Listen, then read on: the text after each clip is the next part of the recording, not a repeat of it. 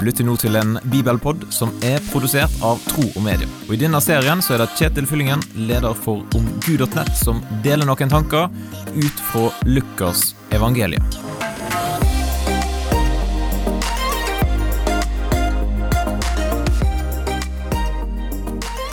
Hva tar du vare på i hjertet ditt? Det er kanskje lett å tenke at det er bare de gode historiene, de gode minnene og opplevelsene en bør ta vare på i hjertet. Og at det triste, det som er vanskelig å forstå, at da kan vi prøve å trykke litt ned eller trykke ut av hjertet vårt. Sånn var det ikke med Maria.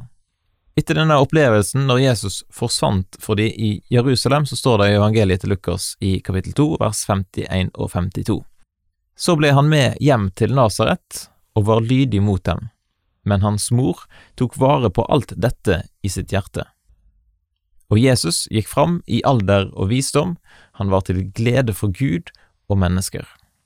Flere ganger så står det om Maria at hun tok vare på opplevelser i hjertet sitt, at hun tenkte på det som hadde skjedd, og kanskje hun prøvde å forstå mer av det hun opplevde. Og så må hun òg ha snakka om disse opplevelsene med andre siden Lukas har fått det med seg i sin framstilling av det som skjedde.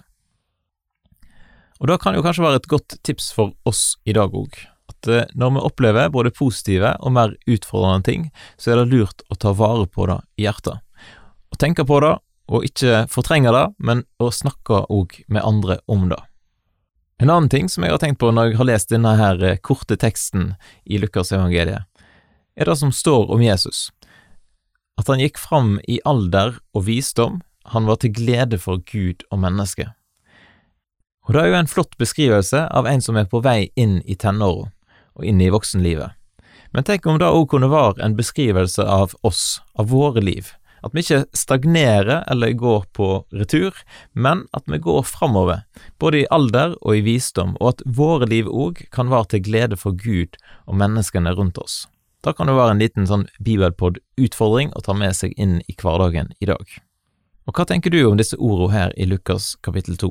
Du er velkommen til å dele dine tanker med meg, du kan sende en e-post til kjetil.troogmedia.no, og så håper jeg da at du har lyst til å dele bibelpodden med noen som du kjenner. Da ønsker jeg deg en fin dag, og så poddes vi plutselig igjen.